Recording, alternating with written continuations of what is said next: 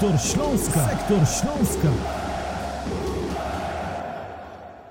Witam Państwa w czwartym sektorze Śląska Live. E, dziś porozmawiamy z moimi gośćmi o ostatnim meczu Śląska zakończonym remisem 2 do 2. Dużo było kontrowersji związanych z decyzjami sędziowskimi oraz e, dużo mówi się także o atmosferze, która była na Stadionie Śląskim w Chorzowie. Ja nazywam się Kacper Cyndecki, a moimi dzisiejszymi gośćmi będą Adam Mokrzycki, czyli mój kolega redakcyjny, który co ciekawe oglądał wszystkie mecze Śląska w tym sezonie na żywo.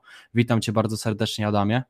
E, jest ze mną również Dominik Mazur, który weźmie e, udział w dzisiejszej dyskusji. Dominik, może ty możesz już wziąć e, tutaj udział w dyskusji i się odezwać?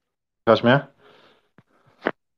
Tak, słychać cię bardzo Dobra, dobrze. to ja może uratuję sytuację, dopóki Dominik i Adam coś tam nie, nie ogarną tego, tego mikrofonu.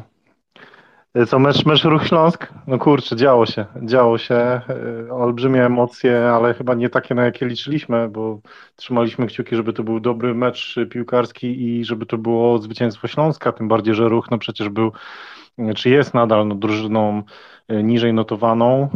Ponowne to otwarcie stadionu śląskiego efektowne, E, fajne, fajny, fajny pokaz na początek, e, no ale później wszystko to, co się działo, to już było mniej efektowne.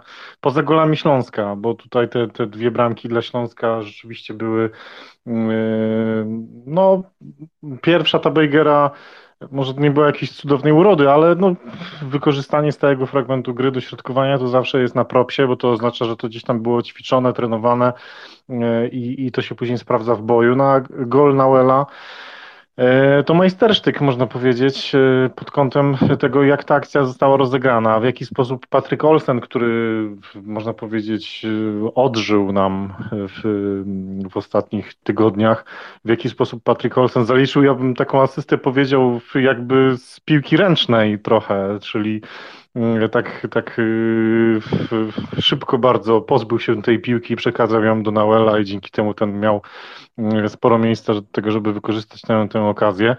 E, no, niestety druga połowa moim zdaniem bardzo słaba, mm, zarówno w wykonaniu Śląska, jak i, jak i ruchu. Niestety Śląsk się cofnął, oddał inicjatywę ruchowi. E, ten co prawda sobie nie stwarzał jakichś, jakichś okazji, ale mimo wszystko no, dobrze by było, gdyby Śląsk po prostu podwyższył, podwyższył to prowadzenie i na pewno dużo łatwiej, spokojniej by się, by się grało. Natomiast y, no, na pewno będziecie tutaj jeszcze, czy będziemy dużo mówić, dużo rozmawiać na temat tego, co działo się e, w kontekście sędziowania, co działo się też na trybunach wokół tego meczu. Niestety, bo to właśnie takie spotkanie e, nie można się skupić tylko na boisku, ale, ale niestety są też te, te wątki poboczne. A tutaj już przekażę głos może Dominikowi czy Adamowi, albo tobie, Kacper, jeżeli chcesz im zadać jakieś, jakieś pytanie, bo widzę, że chyba już e, wszystko technicznie jest ok u chłopaków. No to przede wszystkim sprawdźmy, czy chłopaki już są z nami. Dominik, jesteś z nami? Cześć, mam nadzieję, że mnie słychać. Tak, jest bardzo dobrze. I Adam, jesteś z nami? Daj tutaj znać, czy Raz, dwa, trzy, możesz mówić. próba mikrofonu. Słychać mnie? Tak, wszystko no dobrze super. działa. Już możemy zacząć naszą dyskusję i rozpocznijmy może od tego, bo komentowaliście chłopaki to spotkanie, jak w ogóle podobało Wam się na tym meczu, jak wyglądała atmosfera i te 14 lat e, bez ekstraklasy na Stadionie Śląskim dla Ciebie jako fana piłki na Górnym Śląsku. Dominik, jakie to było spotkanie? Czy Ci się podobało przede wszystkim? Jakie to były emocje? Po 14 latach ruch wrócił do kotła czarownic i można powiedzieć, że ugotowali się w nim wszyscy. I piłkarze, i sędzia Paweł Raczkowski, i sędzia VAR Krzysztof Jakubik. Ale dla mnie, jako fana górnośląskiej piłki, no to było niesamowite przeżycie. To jest takie śląskie Wembley, jak ja to nazywam tam się niesamowicie niesie ten e, hałas, doping trybun, robi się taki tumult. E, tam się naprawdę bardzo ciężko musi grać. Tam się ciężko nam komentowało z Adamem to spotkanie. Trudno było czasem usłyszeć, co mówi kolega obok i przebić się w ogóle z komentarzem do Was na naszej śląsknetowej transmisji. Dla mnie to było wielkie przeżycie zobaczyć ruch wreszcie grający w Chorzowie. E, tak prawie jak w domu, prawie czujący się jak u siebie, jak to określił po meczu trener Jarosław Skrobacz, bo ruch Chorzów to jest kawał śląskiej i polskiej piłki, to są czternastokrotni mistrzowie Polski, zasłużyli na to, żeby zagrać w Chorzowie przy takim anturażu. Wielka szkoda, że te emocje takie boiskowe wzięły górę, że pojawiła się taka zła krew, taka kopanina bijatyka piłkarska, polowanie na nogi e, rywali, bo ten mecz w drugiej połowie był naprawdę brzydki, e, ciężki do skomentowania, do oglądania, ale atmosfera niesamowita. Widać to było, że te 30 tysięcy gardeł niosło ruch i ruch tam ugrał to, co chciał. Ugrał remis na liderze ekstraklasy. Dokładnie, naprawdę pięknie to opisałeś, ale teraz przechodząc już bardziej do spotkania i tego, co działo się na tej Zielonej Murawie, Adam, czy w ogóle co ty myślisz o tych dwóch stratach bramek Śląska-Wrocław i czy twoim zdaniem po tym meczu można chwalić blok defensywny, bo dawno nie działo się we Wrocławiu coś takiego, a bardziej yy, w meczu Śląska-Wrocław, żeby WKS stracił dwie bramki. Ostatni raz taka sytuacja miała miejsce 12 sierpnia w starciu WKS-u ze Stalą, Wrocławianie przegrali 1 do 3. Jak ty właśnie oceniasz tą grę defensywną i tego bloku złożonego z Patryka Janasika, Aleksa Petkowa, Łukasza Begera oraz Jehora Macenki? Y, no powiedzmy sobie szczerze, ten blok defensywny trzeba chwalić w tym sezonie. To już będzie blisko tysiąc minut poza tą bramką Czyża w meczu z Górnikiem Zabrze, kiedy Śląsk nie stracił bramki z gry. Y, były to tylko rzuty karne. No i rzuty karne też się pojawiły w poprzednim spotkaniu z Ruchem Chorzów. Kontrowersyjne, to już, to już wszyscy wiemy. Z Dominikiem obejrzeliśmy tylko jedną powtórkę, właściwie stop klatkę przy tym pierwszym y, rzucie karnym na, po faulu Patryka Janasika i wtedy nam się wydawało, że faktycznie na tej stopklatce było widać um, uderzenie łokciem, ale kiedy już e, w Lidze Plus Ekstra przede wszystkim zobaczyłem powtórki, um, jaki był impet w tym zagraniu, no to wydaje mi się, że ta decyzja była um, podjęta o niesłusznym karnym. Jeszcze większe kontrowersje ten drugi karny i tam się trzeba zastanowić. E, pewnie będzie jeszcze wiele analiz na ten temat, czy wcześniej Daniel Szczepan nie faulował Patryka Janasika, czy się na nim nie zawiesił przed tym znokautowaniem e, przez Leszyńskiego. Mm, kolejną sprawą jest to, że w, kolej, że w następnym meczu będzie pauzował Łukasz Bejger. Łukasz Bejger, którego w tym sezonie jestem bardzo dużym fanem. Chłopak, który oprócz tego, że wcześniej świetnie y, wyprowadzał piłkę, stał się takim facetem, liderem obrony, urósł obok, y, obok Aleksa Petkowa. Chyba potrzebował takiego solidnego defensora obok siebie i oprócz tego, że dalej świetnie wyprowadza piłki, w w drugą linię, to, to nabrał takiej boiskowej dojrzałości. Jest to teraz rosły facet, ciężko, bo, y, ciężko go przepnąć. Przede wszystkim świetnie y, asekuruje swoich partnerów, czy to na lewej stronie boiska, czy to na prawej, więc będzie się, będzie ciężko go, go zastąpić. No, numerem jeden, żeby, żeby wejść w jego buty jest Aleksander Paluszek, który już w tym sezonie dawał dobre zmiany, chociażby w w swoim debiucie w Śląsku mm, z Lechem Poznań, kiedy wrocławianie przeszli na grę piątką z tyłu i dobrze to wtedy wyglądało. No i w kolejnym meczu przeciwko Widzewowi Łódź, e, kiedy mogłem e, na transmisji wykrzyczeć, jak to piękną bramkę strzelił po rzucie wolnym i praktycznie zamknął ten mecz w Łodzi. No i, no i zobaczymy, jak to, jak to będzie w kolejnych meczach. Na razie ten blok defensywny spisuje się bardzo dobrze i też Aleks Petkow jest wyróżniany solidnie przez przez selekcjonera reprezentacji Bułgarii, bo otrzymał chyba czwarte już powołanie z rzędu i, w, i właśnie w narodowych barwach łapie coraz więcej minut. Tutaj o Aleksie Petkowie y, chciałem powiedzieć słów kilka. Pamiętam, jak rozmawiałem e, z fanem bułgarskiej piłki z Polski. Tutaj już y, nie pomnę teraz nazwiska, muszę przeprosić, jak powstanie może w końcu e, obszerniejszy tekst na temat Petkowa u nas, będziecie mogli e, poczytać te opinie. Tam właśnie mm, szczególnie była podkreślana ta wiara selekcjonera reprezentacji Bułgarii w Aleksa Petkowa. E, I e, w Polsce nie brakuje ludzi, którzy obserwują tego typu ligi jak bułgarska. Ja miałem przyjemność rozmawiać z kimś naprawdę bardzo kompetentnym i mówił, e, mówił o tym, że, że Aleks Petkow ma naprawdę ogromny potencjał, który może w Polsce uwolnić, że on potrzebował zmiany otoczenia, sprawdzenia się w trudniejszych warunkach, ale już tam w warunkach Ligi Bułgarskiej miał okazję mierzyć się z zawodnikami z linii ofensywnej, którzy są naprawdę znakomici, bo w lidze bułgarskiej inwestuje się w głośne nazwiska ludzi mm, naprawdę zwinnych, z driblingiem, którzy mogą, którzy mogą zaczarować.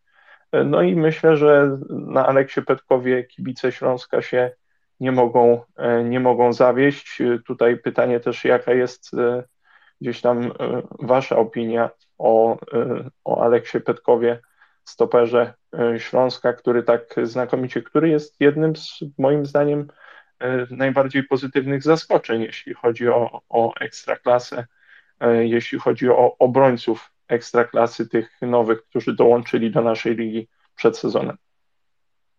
A ja teraz zauważyłem, że mamy głos, jeśli chodzi o kibiców. Piłka nożna w Polsce daje Ci właśnie tutaj możliwość włączenia się do dyskusji.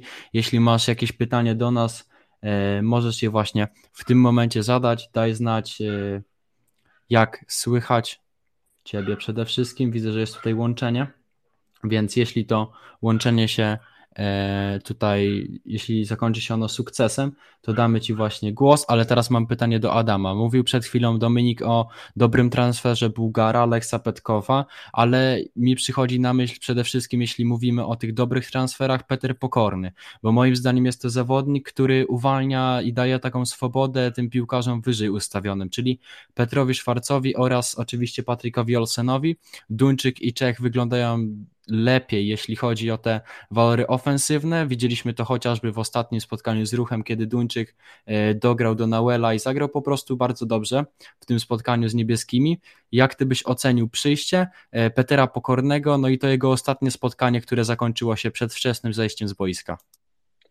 Muszę powiedzieć, że po Aleksie Petkowie Peter Pokorny to jest kolejny wyśmienity transfer w wykonaniu Dawida Baldy.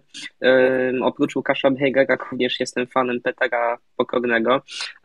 Widać, że wkomponował się fajnie w ten zespół. Jacek Magiera też wielokrotnie powtarzał, że potrzebował takiego zawodnika, e, takiego defensywnego pomocnika, który będzie biegał przed linią obrońców, asekurował ich, ale również dobrze będzie współpracował w linii pomocy, e, dobrze się wymieniał pozycjami mm, ze swoimi partnerami, a także od czasu do czasu pośle fajne ciasteczko do któregoś z ofensywnie usposobionych piłkarzy, tak jak miało to miejsce w wygranym spotkaniu z Legią Warszawa 4 do 0 Prześląsk i dał świetną asystę Słowak przy bramce na 4-0. Najpierw odebrał w wyśmienitym stylu piłkę, a później zagrał ją na wolne pole do Exposito, który dopełnił już formalności.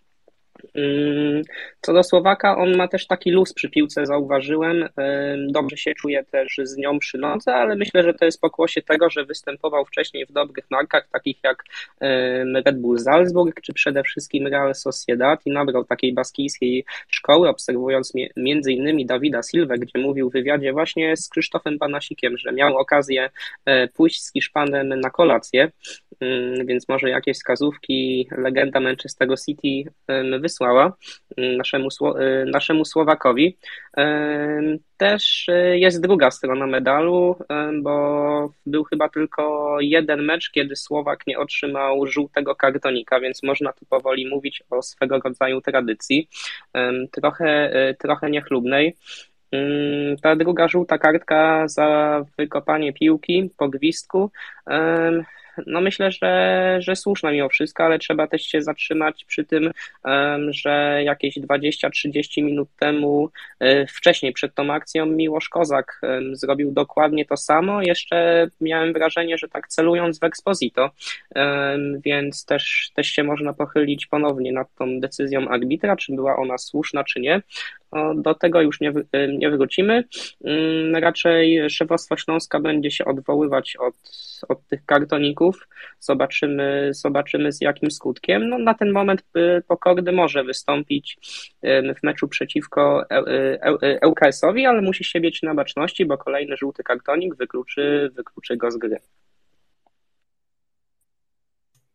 Tak, ja przypominam oczywiście o tym, że możecie prosić o głos, możecie także pisać y, pod naszym pokojem pytania do nas. Będę starał się to wszystko, e, w to wszystko spoglądać. A teraz mam pytanie do Dominika.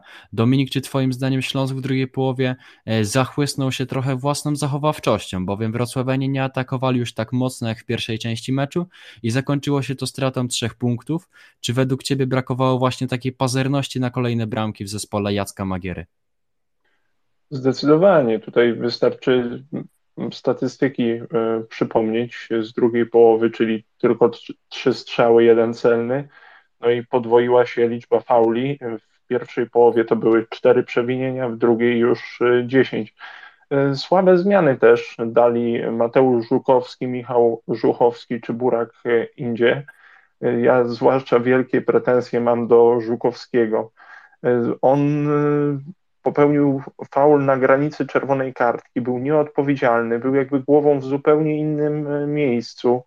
E, po raz kolejny nie dźwiga odpowiedzialności e, tego, że jak wchodzisz z ławki w meczu Śląska, który jest w gazie, który jest liderem ekstraklasy, to masz być po prostu znakomitym zawodnikiem. Masz dać coś ekstra od siebie, a nie powodować kolejne problemy. O tym Mateusz Żukowski po raz kolejny zapomina. E, przypomina mi się z tego spotkania taki moment, w którym on zaczął e, kiwać i wdał się w dribbling e, tuż po tym, jak ledwo co odzyskał piłkę. Ta strata nieomal nie skończyła się utratą bramki. To mogło się naprawdę fatalnie skończyć. Mówi o tym trener Jacek Magiera, że wciąż szuka klucza do głowy tego zawodnika E, I przypomina mi to nieco sytuację z Piotrem Samsem Talarem, e, na którego też we Wrocławiu długo, zwłaszcza gdzieś tam środowisko dziennikarzy narzekało, ale myślę, że i też kibiców długo czekaliśmy na to, aż Piotr Samiec Talar zacznie podejmować na boisku e, dobre decyzje. Mówi Jacek Magiera, że Żukowski to jest poziom reprezentacyjny, gdyby w meczach pokazywał to, co pokazuje na treningach. E, miejmy nadzieję, że tak się stanie, bo widać, po, e, widać było po tym chłopaku potencjał, jak przychodził, ale z każdym meczem ja tracę w niego wiarę. Po prostu ręce zaczynają nieco opadać. Oczywiście nikogo nie wolno przedwcześnie skreślać. E, myślę, że sam Jacek Magiera ma po prostu nadzieję, że z tego piłkarza jeszcze będzie dużo pociechy. Przechodząc do Michała Żuchowskiego, on miał na głowie piłkę na 3 do 2. E, szkoda, szkoda tej sytuacji, bo to była dobra wrzutka, można było naprawdę odpowiedzieć znakomicie i ten remis nie miałby takiego słodko-gorzkiego smaku, tylko Śląsk cieszyłby się z trzech punktów, e, a Indzie miał chyba też zbyt mało czasu, żeby coś gdzieś tam nadzwyczajnego pokazać, nic mm, nie był w stanie wnieść takiego, z czego gdzieś tam go e, pamiętamy, z tych takich błysków indywidualnych mi rzuca się zawsze w oczy, kiedy myślę o błysku indywidualnym Buraka Indzie. E, nie, nie tylko mecz e, gdzieś tam z bodajże z Puszczą Niepołomice, tylko ten gol z Wartą Poznań fantastycznie zdobyty. Mm, więc tutaj zmiennicy również nie pomogli, ale tak, wracając do jakby meritum Twojego pytania, brakowało takiej chęci po, powiększenia prowadzenia, o tym mówił sam Jacek Magiera, że to, że były faule bardziej koszykarskie niż piłkarskie, że sędzia nie zapanował nad meczem, że to się udzieliło, emocje udzieliły się za bardzo i obu sztabom, i piłkarzom obu zespołów, to jest jedno, ale Śląsk po prostu w drugiej połowie za mało pokazywał tej e, chęci, by podwyższyć e, prowadzenie, gdy mógł to jeszcze zrobić. Potem, gdy zrobiło się do 2 do 2, o to było już naprawdę e, bardzo, bardzo ciężko. Na pewno Mateusz Żukowski to piłkarz zagadka, do którego Jacek Magiera musi znaleźć klucz. Udało się to trenerowi Śląska przy e, Matiasie Nauelu Lejwie, który w poprzednim spotkaniu i przez tak naprawdę cały ten sezon i końcówkę poprzedniego był czołową postacią Śląska Wrocław. Jak ty, Adam, uważasz, czy Śląsk e, może mieć coś jeszcze pożytecznego z Mateusza Żukowskiego i czy są jakieś szanse na to, żeby Polak stał się mm, kolejnym piłkarzem, który zostanie odmieniony przez Jacka Magierę? No nie chciałbym tutaj Żukowskiego skreślać, bo jest w Śląsku dopiero kilka miesięcy, ale no mając na uwadze wiele, y, wiele historii, było mnóstwo piłkarzy, którzy świetnie prezentowali się na treningach, y, byli najlepsi w swoim zespole, no nie potrafili tego prze, y, przenieść na boisko, na plac gry już w trakcie meczów o stawkę. No i tutaj Jacek Magiera musi, musi trafić jakoś do tego piłkarza. Też sam mówi, że być może jakieś swoje nawyki sam Żukowski musi zmienić i wydaje mi się, że przede wszystkim ten skrzydłowy musi podchodzić do meczów dużo poważniej, bo wchodzi na boisko, jest rozluźniony, snuje się po tej murawie, nie przejmując się jakkolwiek zadaniami, które y, przekazał mu sztab szkoleniowy. W ogóle nie wykazuje jakiegokolwiek zaangażowania w grę defensywną. Było to widać w kolejnym meczu po wejściu z ławki, aż zdenerwowany Jehor Matsenko musiał do niego machać rękami, żeby ten go wspomógł w asekuracji kiedy Miłosz Kozak i chyba Tomasz Wójtowicz wychodzili, e, wychodzili na Ukraińca we, e, we dwójkę, dopiero wtedy się pokwapił Żukowski, aby wspomóc swojego partnera. No są to bardzo nieprzyjemne obrazki, które się powtarzają po, po raz kolejny. No ma ten potencjał, bo to było widać chociażby w meczach sparingowych, jak świetnie sobie radził przede wszystkim w dryblingu, była ta lekkość, ale jak już przyszło co do czego i trzeba było to pokazać na bardziej klasowych rywalach niż użyję takiego kolokwialnego powiedzenia, na jaśkach w sparingu, no to przyszły schody, przyszły trudności i wcale tego Mateusz Żukowski nie pokazuje. No, nie chcę go jeszcze skreślać, bo jest to cały czas młody zawodnik. Wierzę w to, że na, że na treningach prezentuje faktycznie ten reprezentacyjny poziom. No i pytanie, ma jeszcze, na, ma jeszcze na pewno czas, ale jeśli dalej będzie tak, tak postępował w meczach e, po wejściu z ławki, no to wydaje mi się, że Jacek Magiera nie powinien na niego stawać, e, stawiać, bo jego postawa, jego obecność na boisku może wyrządzić więcej szkody niż, e, niż pożytku. Na pewno postać y, Mateusza Żukowskiego jest taką zagadką w Śląsku Wrocław. Dave pisze w komentarzu pod naszym pokojem, czy Żukowski to drugi Sebino Plaku, oboje jeźdźcy bez głowy. Czy zgadzasz się z tym stwierdzeniem Dominiku? Sebino Plaku to y, pamiętam przede wszystkim z pięknych goli w europejskich y, pucharach mm, i myślę, że wtedy byłem zbytnio opierzony, żeby ocenić jego wkład w grę całościowo w grę defensywną, czy, mm, czy w odpowiedzialność e, na boisku, jaką bierze za, za zespół.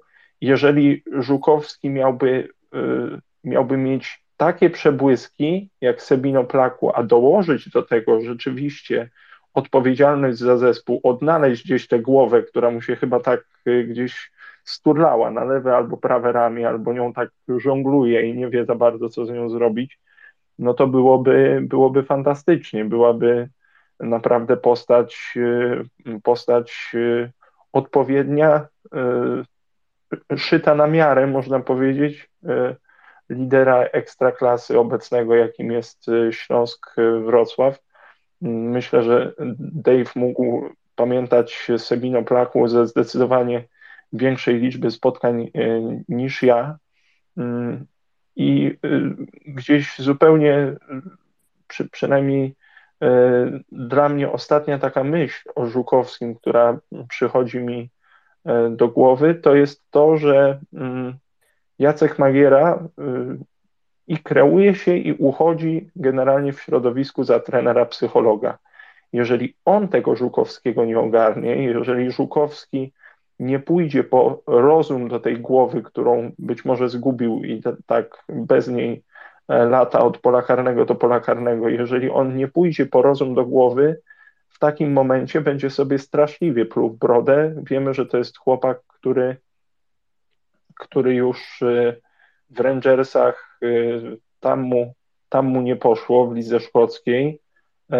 Myślę, że trafił na świetny moment w Śląsku Wrocław, trafił na dobrego trenera, żeby, e, żeby po prostu się ogarnąć, żeby troszkę obrosnąć y, nie, nie w piórka, w takie walory czysto, czysto piłkarskie. Y, I nie będę tutaj mówił tak katastroficznie, że jak nie teraz, to kiedy, bo są różni piłkarze, niektórzy po prostu później dojrzewają, ale dla Żukowskiego to jest idealny moment, żeby tę głowę po prostu odnaleźć. Ja na pewno pamiętam jeszcze, kiedy w lipcu rozmawiałem z Karoliną Jaskulską, czyli e, redaktorką Lechianetu. Rozmawiałem z nią na temat Mateusza Żukowskiego i powiedziała mi kilka e, ciekawych kwestii. Przede wszystkim Mateusz Żukowski to osoba, która miała dość trudną przeszłość, dość trudną młodość i dojrzałość emocjonalną, bowiem ten zawodnik zmagał się z problemami rodzinnymi. E, I przytoczę tutaj taki fragment właśnie mojej rozmowy e, z osobą właśnie z Gdańska. Gdy mówisz Mateusz Żukowski, przypomina mi się także jego wywiad dla Radia Gdańsk, gdzie opowiadał o swojej rodzinnej historii. Ja podziwiam go, że z takimi trudnościami udało mu się dojść tak daleko, bo co by nie mówić, w wieku 21 lat gra w Lechi e, w Ekstraklasie z sukcesem. Ostatnio w internecie można spotkać wiele negatywnych opinii na jego temat, ale ja trzymam za niego kciuki i mam nadzieję, że poradzi sobie z hejtem. Tak właśnie mówiła redaktorka Lechianetu i czy według Ciebie, Adam, można tak psychologicznie podejść do tego zawodnika? Czy ta właśnie e, przeszłość może mieć teraz jakieś skutki związane z przyszłością? No myślę, że na pewno. Nie chcę tutaj się wcierać w rolę jakiegoś psychologa, ale jeśli jakieś sprawy z przeszłości nie są do końca rozwiązane, zawodnik sobie z nimi nie poradził, to na pewno mogą e, mieć swoje, mieć swoje odbicie w przyszłości. Nie wiem, czy to faktycznie ta trudna te trudne lata dziecięce czy młodzieżowe mogą teraz mieć na to wpływ. No ale, no ale uważam, że jest teraz, tak jak Dominik powiedział, jest w idealnym miejscu, ma idealnego trenera, żeby sobie z tym wszystkim poradzić, e, ogarnąć wszystkie kwestie, wszystkie kwestie w głowie, no i sobie poukładać na nowo, żeby ten epizod w Śląsku był dla niego takim nowym rozdaniem w Kagierze, bo zespół sobie radzi naprawdę dobrze. On też ma swoje miejsce w składzie, wcześniej, wcześniej występował, y, miał, y, miał epizody w wyjściowym składzie, teraz wchodzi z ławki, więc te minuty na pewno ma, żeby, y, żeby pokazać się na tle, na ten moment rewelacji ekstraklasy. No i myślę, że skorzysta z tego, że ma obok obok siebie takiego fachowca, jakim jest Jacek Magiera i postanowi też, e, też sobie pomóc e, w tym wszystkim, mm, no, żeby wyjść na piłkarzy, tak powiem. Myślę, że teraz powinniśmy powiedzieć już basta, jeśli chodzi o temat Mateusza Żukowskiego. Jest to zawodnik, który przede wszystkim nie zagra też z ŁKS-em, bowiem dostał czwartą żółtą kartkę i będzie musiał pauzować. E, w kolejnym spotkaniu i tutaj pisze pod naszą rozmową Łukasz Kostrzewa, obiektywnie, cofnięcie się w końcówce e, z Górnikiem i teraz z Ruchem odebrało nam cztery punkty. Nie wiem, czy tak trener każe im grać, czy o co tutaj chodzi. Czy według Ciebie Dominik, trener Magiera każe grać Śląskowi defensywnie w końcówkach i że to jest pomysł na to, żeby e, zdobywać kolejne punkty? Gra defensywna w końcówce wynika z tego, że broni się wyniku. Śląsk, y, tak jak przytoczył Adam tę statystykę, od tysiąca e, minut traci gole wyłącznie z rzut, tylko jednego gola z akcji i to właśnie w tym meczu z Górnikiem.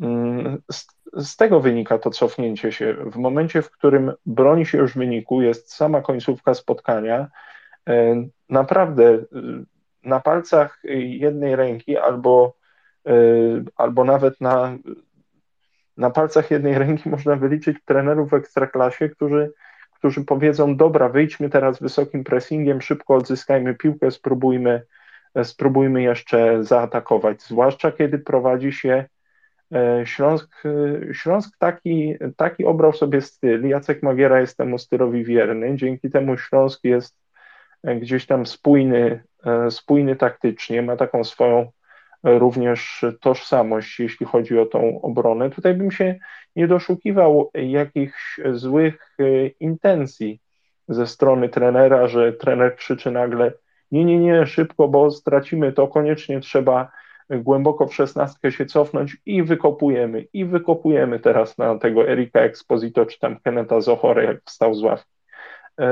Moim zdaniem broni się po prostu w końcówkach, mm, dlatego że ma się, ma, ma się dobry rezultat, który, który chce się utrzymać. A że to nie wychodzi, czyż miał wtedy strzał życia, naprawdę.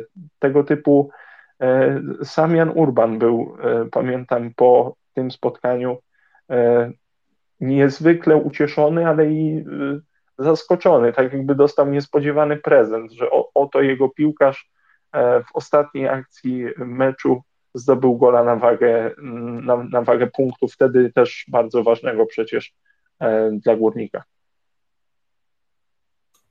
Tak, zdecydowanie w tych końcówkach Śląsk stracił tak naprawdę cztery punkty, tak jak wcześniej zostało wspomniane, ale Adam, czy Twoim zdaniem w spotkaniu z ruchem, kiedy Śląsk y, był tak naprawdę przy wyniku 2 do 2, walczył jeszcze o pełną pulę, czy trener Jacek Magiera mógł pokusić się o to, żeby spróbować i wprowadzić Keneta Zochorę z ławki, który mógłby tą swoją siłą fizyczną oraz nieprzeciętnym wzrostem powalczyć w powietrzu, czy to w ofensywie, czy także y, mógłby dopomóc zespołowi przy stałych fragmentach w defensywie? Myślę, że warto sobie zadać pytanie, czy przede wszystkim Kenneth Zohore jest w optymalnej dyspozycji fizycznej, aby te swoje walory siłowe pokazać i, i wykorzystać na boisku. Myślę, że e, Śląsk walczył o te trzy punkty. To nie jest tak, że, że oni całkowicie bronili tego 2-1 czy 1 do 0 z Górnikiem Zabrze, bo chociaż z Górnikiem Zabrze były te okazje, były niewykorzystane setki przez e, Nauela Lejwę, czy jeszcze nawet Exposito.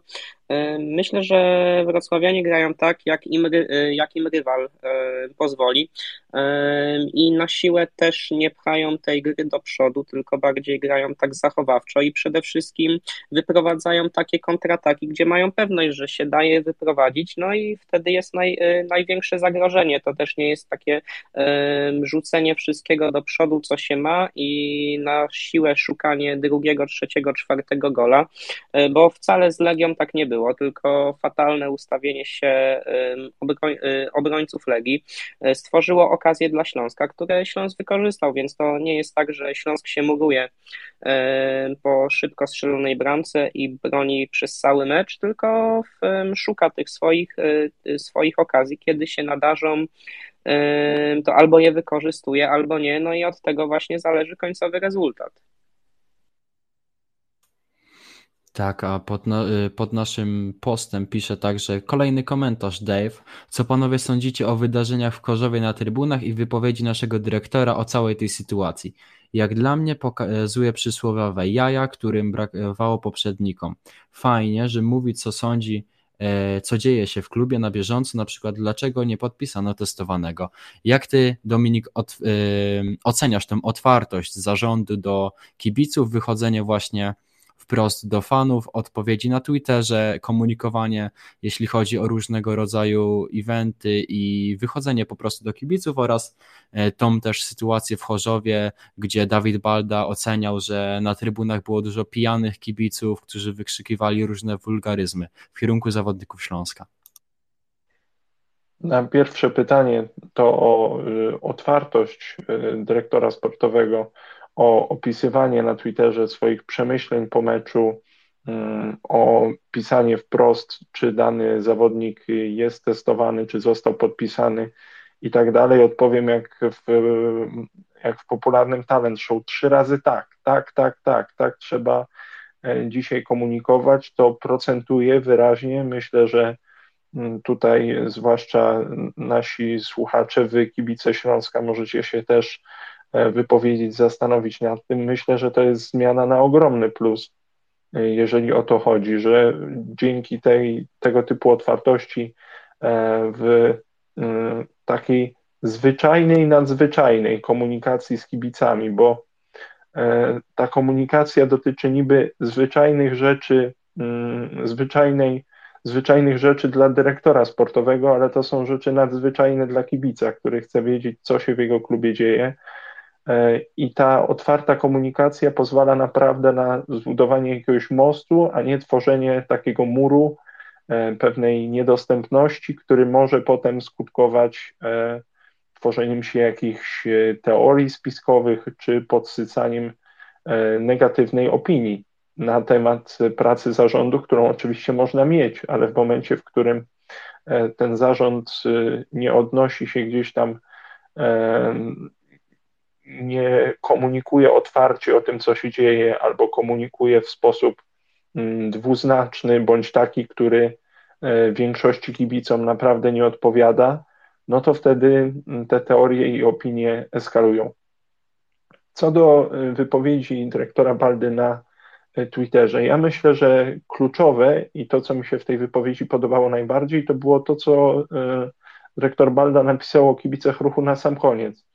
To znaczy, dziękuję mm, tym kibicom ruchu, którzy wspierali swój zespół e, przez całe 90 minut, stworzyliście fantastyczną atmosferę, bo E, Dawid Balda piętnował tam e, takie, powiedziałbym, ekstremizmy, takie skrajne zachowania, jak to, że wylano na Petera Pokornego piwo, kiedy schodził do szatni.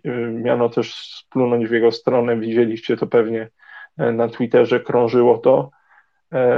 Tego typu rzeczy na polskich stadionach niestety i w ogóle na stadionach niestety się, niestety się zdarzają, ale w momencie, w którym mm, ma być piłkarskie święto.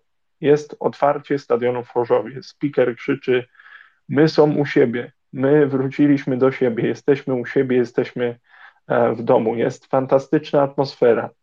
E, to tego typu, mm, tego typu e, ekscesy, tego typu wydarzenia, które nie powinny, nie mają prawa się wydarzyć, to jest po prostu to jest po prostu jakiś ekstremum i w ogóle chciałbym, żebyśmy nigdy nie musieli wspominać o tego typu e, wydarzeniach, to one przyćmiewają to, co jest piękne w futbolu. To, że się zebrało 30 tysięcy gardeł dopingować ukochany klub, który mm, z trudem i y, zmagając się z ogromnymi problemami zdołał e, awansować do ekstraklasy i to jest y, materiał na E, po prostu wielki i, i długi film, a potem pojawi się w tym takim e, pięknym, e, pięknej historii ruchu, w pisaniu kolejnego rozdziału tej historii, pojawiają się takie, takie drobne i kłujące w oczy niesamowicie wydarzenia, takie, takie sytuacje, które potem mogą Y, kiedy napędza się taka spirala złych emocji, mogą promieniować na to, że patrząc na tego kogoś, kto wylewa piwo na Petera Pokornego, kibic Śląska utożsamia z tą osobą wszystkich kibiców ruchu, którzy się zebrali. Ja dla równowagi chciałbym przytoczyć taką e, historię. Adama wtedy nie było, e, poszedł się chwilkę przejść w przerwie spotkania. Mm, podszedł do nas e, tata ze swoimi dziećmi i zaczął im opowiadać o pracy dziennikarza sportowego, jak to wygląda. E, bardzo przyjemnie mieliśmy, miałem z nim okazję porozmawiać. E, sektor kibiców ruchu, ten rodzinny, należy do najprężniej działających w Polsce. Pojawia się tam, mogliście zresztą zobaczyć, ci z Was, którzy oglądali mecz, był wypełniony szczelnie po brzegi na szczytowych w szczytowym momencie potrafi tam zasiadać kilka tysięcy e, ludzi. E, więc e, ten fragment oświadczenia dyrektora Baldy podobał mi się najbardziej i cieszę się, że dyrektor sportowy Śląska zabiera głos w tak ważnych sprawach, bo to jest ważne dla kibiców klubu, bo wtedy nie dość, że znają opinię osób zarządzających Śląskiem na tematy, które ich interesują, to jeszcze zwiększa to takie poczucie, że władze identyfikują się z losem klubu, z tym, co się dzieje z piłkarzami i dookoła Śląska Wrocław. Na pewno są ludzie i ludziska i nie można tak kategoryzować wszystkich kibiców, zbierać do jednego worka, ale Adam w tym spotkaniu czy według Ciebie funkcjonowały skrzydła? I e, jak oceniłbyś występ Piotra Samca-Talara, który e, troszeczkę moim zdaniem obniżył loty i nie zagrał już tak fantastycznie jak w starciu z Legią?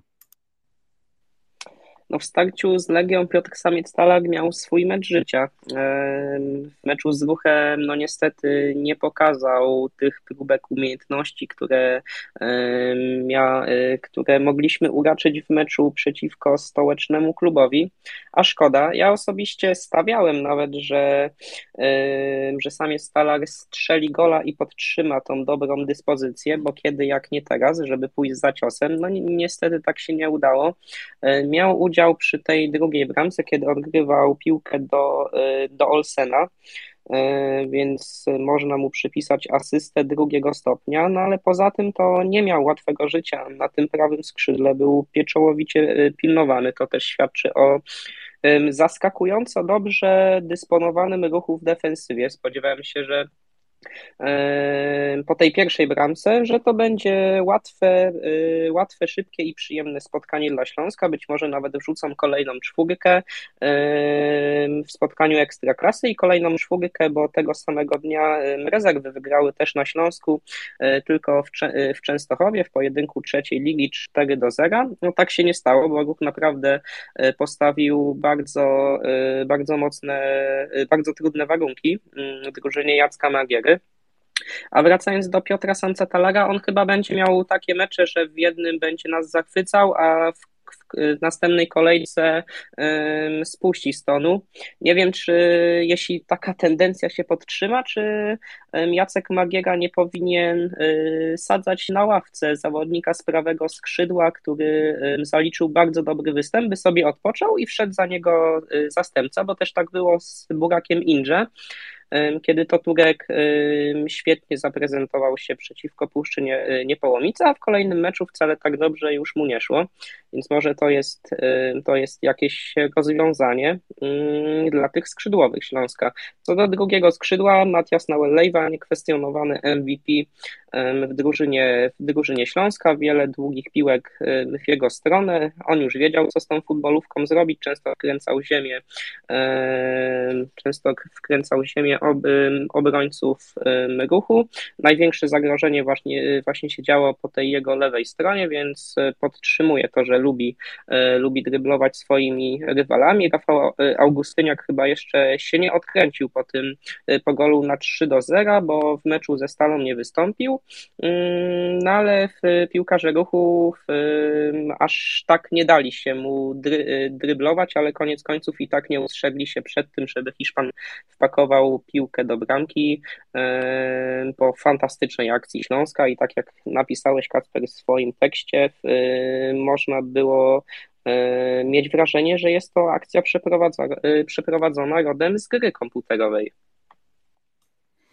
Tak, na pewno Śląsk gra coraz lepiej, jeśli chodzi o te szybkie ataki, te kontry e, wyglądają z meczu na mecz coraz lepiej. Matias Nauel-Lejwa to jest taki piłkarz, który jest oznaką tak naprawdę tej zmiany Jacka Magiery, bo często trener Śląska mówi o sobie, że przeszedł taką zmianę, jeśli chodzi o tą pracę w Legii Warszawa, wyniki, które osiągał w Lidze Mistrzów i późniejsze E, przejście do Śląska mówi właśnie dużo o tym, że e, pracuje nad sobą, ale w tym spotkaniu z ruchem bardzo ważną rolę odegrał przede wszystkim arbiter, czyli Paweł Raczkowski. I Dominik, czy według Ciebie sędzia z Warszawy podkręcił nam troszeczkę atmosferę w tym spotkaniu, jeśli chodzi o te podyktowane dwie jedenastki.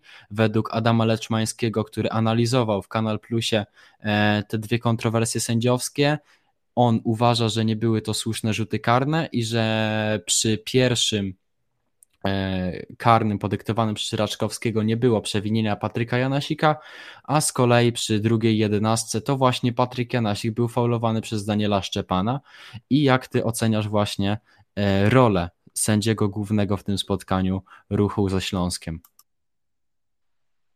Moim zdaniem Paweł Raczkowski dał się po prostu E, ponieść. Dał się w tym kotle czarownic ugotować. Także dlatego, że e, po prostu to było, zacznijmy może tak, to było bardzo trudne spotkanie do sędziowania. Naprawdę. Głęboko współczuję zadania sędziemu Raczkowskiemu, ale nie mówimy o jakimś nieopierzonym arbitrze, e, tylko o kimś, kto będzie w środku tygodnia, w środę sędziował w Lidze Mistrzów. Więc oczekiwalibyśmy, że uda mu się te presje, te, mm, tę atmosferę, ten tumult wytrzymać i też wytrzymać to, że zawodnicy i jednej i drugiej ekipy mogą, mogą w pewnym momencie te emocje wziąć górę, tak? I uważam, że arbiter nie dość, że nie był w stanie wyhamować tego w samym spotkaniu, to jeszcze sam dał się temu wszystkiemu e, ponieść. Co do słuszności tych dwóch karnych, mm, ja się nie będę wypowiadał z tego też względu, że dla mnie na żywo tam wszystko grało. To znaczy, ja bym nie mógł być sędzią, bo po prostu ja komentując byłem przekonany, że nie no, to chyba są dwie słuszne jedenastki. Nie ma tutaj mowy o jakichś kontrowersjach. Szczepan powalony, staranowany. E, widziałem to piąstkowanie, ale uznałem po prostu, że jest to niebezpieczne, mm, że po, po tym nastąpiło po prostu niebezpieczne dla zdrowia i życia piłkarza, e, że stało się to niebezpiecznym dla zdrowia i życia piłkarza zagraniem.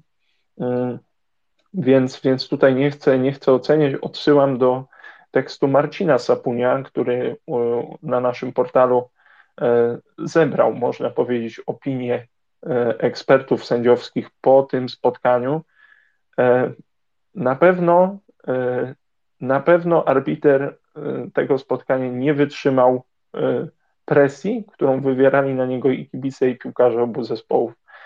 Ty przytoczyłeś Adama Leczpańskiego, ja powtórzę to, co powiedział trener Jacek Magiera. On powiedział po tym spotkaniu, że że albo był to chaotycznie prowadzony mecz, albo sędzia dobrze się bawił na boisku i tak trzeba było do tego podejść. Było wiele kontrowersyjnych sytuacji i po prostu ktoś nie zapanował nad tym, co się działo na murawie. E, a skończę króciutko, tak jak zrobił to trener Magiera, bo mi się to bardzo spodobało, e, co on mógł zrobić w tej sytuacji, najlepsze, co on mógł zrobić jako trener. Chcę mieć szczęśliwe życie i nie będę się już zajmował tymi kontrowersjami takie kukułcze jajo podrzucił dziennikarzom. Wy to teraz maglujcie ten temat, wy się tym zajmujcie. Ja mam swój zespół do ogarnięcia, do podniesienia, bo y, były potężne, było potężne rozgoryczenie po tym spotkaniu w szatni, w szatni Śląska. Zawodnicy Śląska, cały sztab, drużyna zrobili najlepsze, y, podjęli się y, jakiegoś takiego na, najlepszej aktywności Mm, po tym spotkaniu chyba jaką można było wymyślić, bo poszli po prostu te złe emocje e, gdzieś tam przepracować na koszykarskim e, parkiecie i potem ruszyli do e, pracy przed kolejnym spotkaniem. Mm, więc powiem tak, gdyby tego typu decyzje jak przyznanie meczu Ligi Mistrzów można było zmieniać po meczu ligowym, myślę, że osoba, która E, to wyznacza, myślę, że e, delegaci UEFA mieliby twardy orzech do zgryzienia, ale taki też jest e, zawód sędziego, że takie mecze przytrafiają się nawet najbardziej doświadczonym arbitrom. Z mojej perspektywy wielka szkoda, że przydarzyło się to w takim spotkaniu, bo, bo naprawdę powrót ruchu po 14 latach na Stadion Śląski, o tym wszystkim już mówiliśmy, kocioł czarownic, ruch podejmuje lidera, ruch, najgorsza ekipa E, u siebie w domu, podejmuje najlepszą ekipę wyjazdową i coś się dzieje na boisku, jest akcja na 2-1 jak z gry komputerowej, a tutaj dwa rzuty karne i, e, i to wszystko w oparach potężnych kontrowersji pi piłkarskiego polowania na nogi rywali, gradu żółtych kartek, czerwonej kartki i tak dalej. Mm kończąc temat, y, gdzieś tam, kończąc moją wypowiedź na temat tych dwóch rzutów karnych, y, myślę, że dla Daniela Szczepana to jest y, gdzieś tam ważna historia. On chłopak z Górnego Śląska i jak powiedział jeden z kibiców, piłka z erką w sercu, pokazał w meczu ze swoim byłym klubem, że naprawdę potrafi dźwignąć presję, i też po tym drugim rzucie karnym ja sam byłem zaskoczony z Adamem. Myślę, że cały stadion był zaskoczony, że Szczepan się podniósł i chciał strzelać tego karnego. O takim samym zaskoczeniu mówił po meczu trener ruchu Jarosław Skrobacz. E, a on się podniósł i strzelił tego karnego i go, e, i go wykorzystał. I tutaj też brawa dla piłkarzy Śląska za reakcję. Jak tylko zobaczyli, że Szczepan leży po tym zdarzeniu z Leszczyńskim, to szybko zaczęli wołać sztab, szybko poprosili o pomoc, bo, bo, to, były, bo to były obrazki, które mroziły krew w żyłach. Też zaraz Szczepana obskoczyli koledzy z drużyny, więc świetna reakcja zespołów po obu stronach bo po prostu ważne, by takie obrazki nie kończyły się źle albo, y, albo i bardzo źle dla zdrowia poszkodowanego piłkarza. Ja przypominam przede wszystkim, że możecie brać udział w naszej dyskusji poprzez pisanie komentarzy pod naszym postem z tym pokojem oraz y, możecie także prosić o głos mnie, a ja będę starał się włączać Was do dyskusji. A teraz, Adam, mam do Ciebie pytanie, czy Śląsk y, powinien popracować nad mentalnością, bo tak naprawdę wydawało się po meczu z Górnikiem, że Śląsk to właśnie musi pracować tylko nad głową i nad tym, żeby utrzymać to, co prezentował przed starciem z Zabrzanami. Udało się to tak naprawdę świetnie, bowiem Wrocławianie wygrali aż 4 do 0 z Legią i później znowu przychodzi taki gorszy mecz z Ruchem Chorzów. Jak Ty y, oceniasz to wszystko i czy Śląsk powinien właśnie pracować przede wszystkim nad mentalnością? Myślę, że od momentu przyjścia, ponownego przyjścia do klubu Jacka Magiery, to jego drużyna cały czas pracuje nad mentalnością, bowiem w szatnie zastał w koszmarnym stanie. Mm, mówił, że wielu piłkarzy nie miało ochoty ze sobą współpracować i właściwie cudem w takich, w takich okolicznościach udało się uniknąć utrzymania. Nad głową to pracują cały czas i widać tego efekty w tym sezonie. Redaktor naszego portalu Jan Micygiewicz w rozmowie z Noelem Lejwą też, też Hiszpan powiedział Jankowi, że przede wszystkim Jacek Magiera chciał zapanować nad głowami piłkarzy, żeby ci się lepiej poczuli, żeby nie mieli na boisku takich splątanych nóg i to się 46-latkowi udało naprawdę. Teraz y, też jest odpowiedni plan sportowy na, y, na tę drużynę, dopracowany odpowiednio do y, piłkarskich możliwości Śląska, bo nie jest to na siłę granie nie wiadomo jak pięknego futbolu, bo było tak w pierwszych dwóch kolejkach, wiadomo, że tych punktów było mało, bo tylko jeden. Przestawiło się to na grę defensywną, grę z kontry, wyrachowaną, spokojną, dojrzałą, no i faktycznie te punkty przyszły w bardzo dużych ilościach. Zdało to swój egzamin. I teraz można się przede wszystkim skupić, jak jest dobra atmosfera w szatni, to też pokazują takie, y, takie obrazki, jak cały zespół idzie po, y, po nerwowym meczu, y, żeby ulotnić te emocje, grając w inną dyscyplinę, w koszykówkę z Maciejem Zielińskim, legendą koszykarskiego Śląska Wrocław. Bardzo miło się patrzy właśnie na takie sceny. One budują zespół, one budują atmosferę w szatni. Widzimy na wielu zdjęciach, że są, że są uśmiechy właśnie przed oczami mam tutaj wspólne, e, wspólne grupowe zdjęcie z hali sportowej, z hali sportowej. Mm, więc to na pewno cieszy kibiców Śląska. I myślę, że można się przede wszystkim skupić na kolejnym przygotowaniu pod względem taktycznym, piłkarskim do następnego spotkania, bo Śląsk ma, ma odpowiednią jakość i musi ją tylko udowodnić, żeby wrócić jak najszybciej na te zwycięskie tory. Można powiedzieć, że Jacek Magiera został Śląsk drewniany, a na razie doprowadził do stanu e, murowanego i przede wszystkim wydaje się, że e, ta praca Jacka Magiery jest bardzo dobra, a zespół jest tak naprawdę zaskoczeniem ekstraklasy w pozytywnym tego słowa znaczeniu.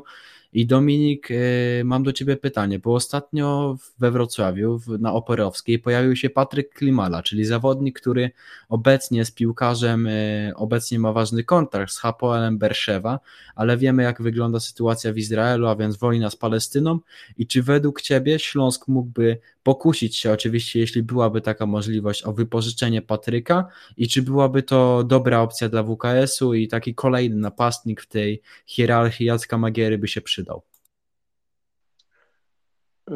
Dobrze, że pytasz. Akurat jak zapytałeś o Klimale, przyszło mi do głowy, przyszła mi do głowy rozmowa z Ireneuszem Mamrotem, którą kiedyś przygotowywałem na potrzeby e, innego artykułu właśnie o Patryku Klimali mm, i mówił mi wtedy, że to jest y, piłkarz z charakterkiem. Mówili na niego diabeł. I generalnie chodziło o charakterek i boiskowy, i pozaboiskowy. Trzeba go było troszeczkę ukierunkować, ale to chłopak z fantastycznym sercem do pracy i e, wyrwał sobie, można powiedzieć, papiery na granie za granicą, najpierw w Szkocji, w Celticu, e, no a już teraz obecnie e, właśnie w Izraelu. Myślę, że to by była fantastyczna opcja dla Śląska Wrocław, biorąc pod uwagę obecną dyspozycję Keneta Zochore i to, że na tego piłkarza wciąż trzeba będzie E, czekać. E, przypomina mi się jedna z rozmów, której udzielił dyrektor Dawid Balda i wypowiadał się akurat na temat e, Camerona Bortwicka Jacksona, że trzeba poczekać do wiosny. Ja myślę, że biorąc pod uwagę to, jak Eric Exposito jest eksploatowany i jak jest często faulowany w tym sezonie, jak wiele on musi znosić starć fizycznych z obrońcami takiej E, takiej naprawdę ostrej, mocnej e, walki o piłkę, no to tego typu opcja w ataku byłaby naprawdę czymś, e, czymś znakomitym.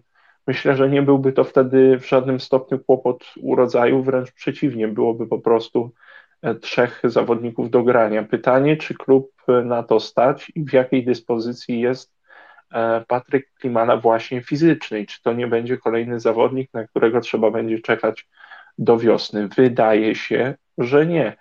Mm, I też py pytanie, biorąc pod uwagę to, jak obecnie, e, jak wygląda obecnie sytuacja na świecie, to o czym wspomniałeś, wojna Izraela z Palestyną, z Hamasem, e, biorąc pod uwagę, jak wygląda sytuacja na świecie, czy on na co będzie chciał czekać Patryk Klimana? Czy będzie chciał czekać na oferty z innych klubów zagranicznych, E, czy będzie chciał wrócić e, na Dolny Śląsk e, w swoje, w swoje rejony i rzeczywiście tutaj gdzieś, tutaj gdzieś wrócić, wrócić do grania. Z perspektywy osoby piszącej o polskiej piłce, dla mnie byłaby to prześwietna historia, żeby Klimana wrócił na Dolny Śląsk, ale wiemy jak to wygląda, jak to wygląda obecnie. Przyjdzie oferta z lepszego klubu, i zawodnik dziękuję za możliwość wspólnych treningów i po prostu y, podpisuje kontrakt z innym, z innym zespołem. Jest w stałym kontrakcie z, ze swoim menedżerem. W przypadku Theo e, Walsa tak to właśnie wyglądało. Francuza e, z przeszłością e, Francuza z przeszłością w ligę. Mm, więc krótko odpowiadając na pytanie, Klimala jak najbardziej tak, ale z zastrzeżeniami. To znaczy, czy Śląsk na niego stać i czy, czy Klimala e, wybierze Śląsk, czy nie będzie czekał na, e, czy nie będzie czekał po prostu na, mm, na, na lepszy klub niż Śląsk, na klub e, z lepszej ligi, z wyższymi zarobkami. Tak, na pewno przytoczyłeś nam tutaj Dominik e, Theo Wolsa. Jak ty, Adam, rozpatrujesz tą całą sytuację? Zawodnik e, był dogadany ze Śląskiem na kontrakt, tak naprawdę wszystko było umówione, wszystko było ustalone. Wydawało się, że umowa leży tak naprawdę na stole, brakuje tylko podpisu Francuza. W ostatniej chwili e, Theo zrezygnował, udał się do Francji, bo tam najprawdopodobniej w jego ojczyźnie podpisał nową umowę z innym klubem i podawano tam jako argumentację, że Theo po prostu prostu potrzebował stabilności i nie chciał walczyć o skład, a bardziej po prostu wybrał taką bezpieczniejszą dla siebie opcję gry w znanym dla siebie kraju. Jak ty oceniasz, Adam, to i czy przydałby się Śląskowi taki zawodnik? No powiem szczerze, miałem troszkę niedosyt, że Teo Wal e, koniec końców e, nie znajdzie się w Śląsku Wrocław. Przeglądałem jego CV i byłem nie pod wielkim, ale byłem pod wrażeniem, że ktoś taki może się znaleźć w Śląsku Wrocław. Uważam, że e, byłby to kolejny dobry ruch ze strony Dawida Baldy. Cieszy to, że tacy zawodnicy przychodzą na testy do Śląska Wrocław.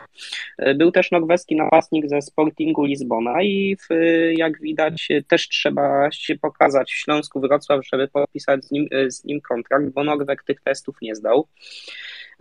No ale co, umowa w, jak mówisz, była, była wręcz dogadana. Pojawiła się inna opcja, bardziej luk y, lukratywna, na pewno pod względem pieniężnym, ale też wiadomo, każdy chce grać jak najbliżej swojego domu, ojczyzny, rodziny, y, więc tutaj wiele aspektów skłoniło, skłoniło Wala, żeby przyjąć tę lepszą ofertę po dżentelmeńsku podziękował, więc e, wszystko rozeszło się po kościach, że tak powiem, nie ma żadnej e, złej krwi pomiędzy klubem a zawodnikiem, wszystko, wszystko się zakończyło w dobrej atmosferze.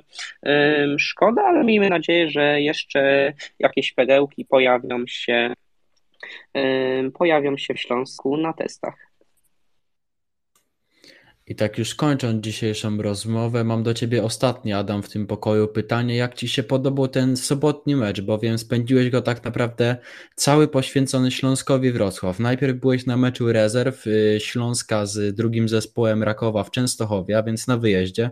Później udałeś się do Chorzowa na mecz Śląska, skomentowałeś ten mecz. Jak Ci się podobało i jakie kulisy będą z tego spotkania? E, jakie tak zareklamujesz, można powiedzieć. No tak, faktycznie miałem możliwość e, dzięki Śląsknetowi. Uwielbiam takie piłkarskie, dziennikarskie dni. E, pod względem turystycznym też, bo można inny kawałek Pol Polski, przede wszystkim pięknej Polski zwiedzić. Mm, też przede wszystkim realizować swoje pasje co tu dużo mówić. Pierwszy dwa mecze jechać za swoim, za swoim klubem, komentować, działać przy nim, to jest, to jest wielka historia.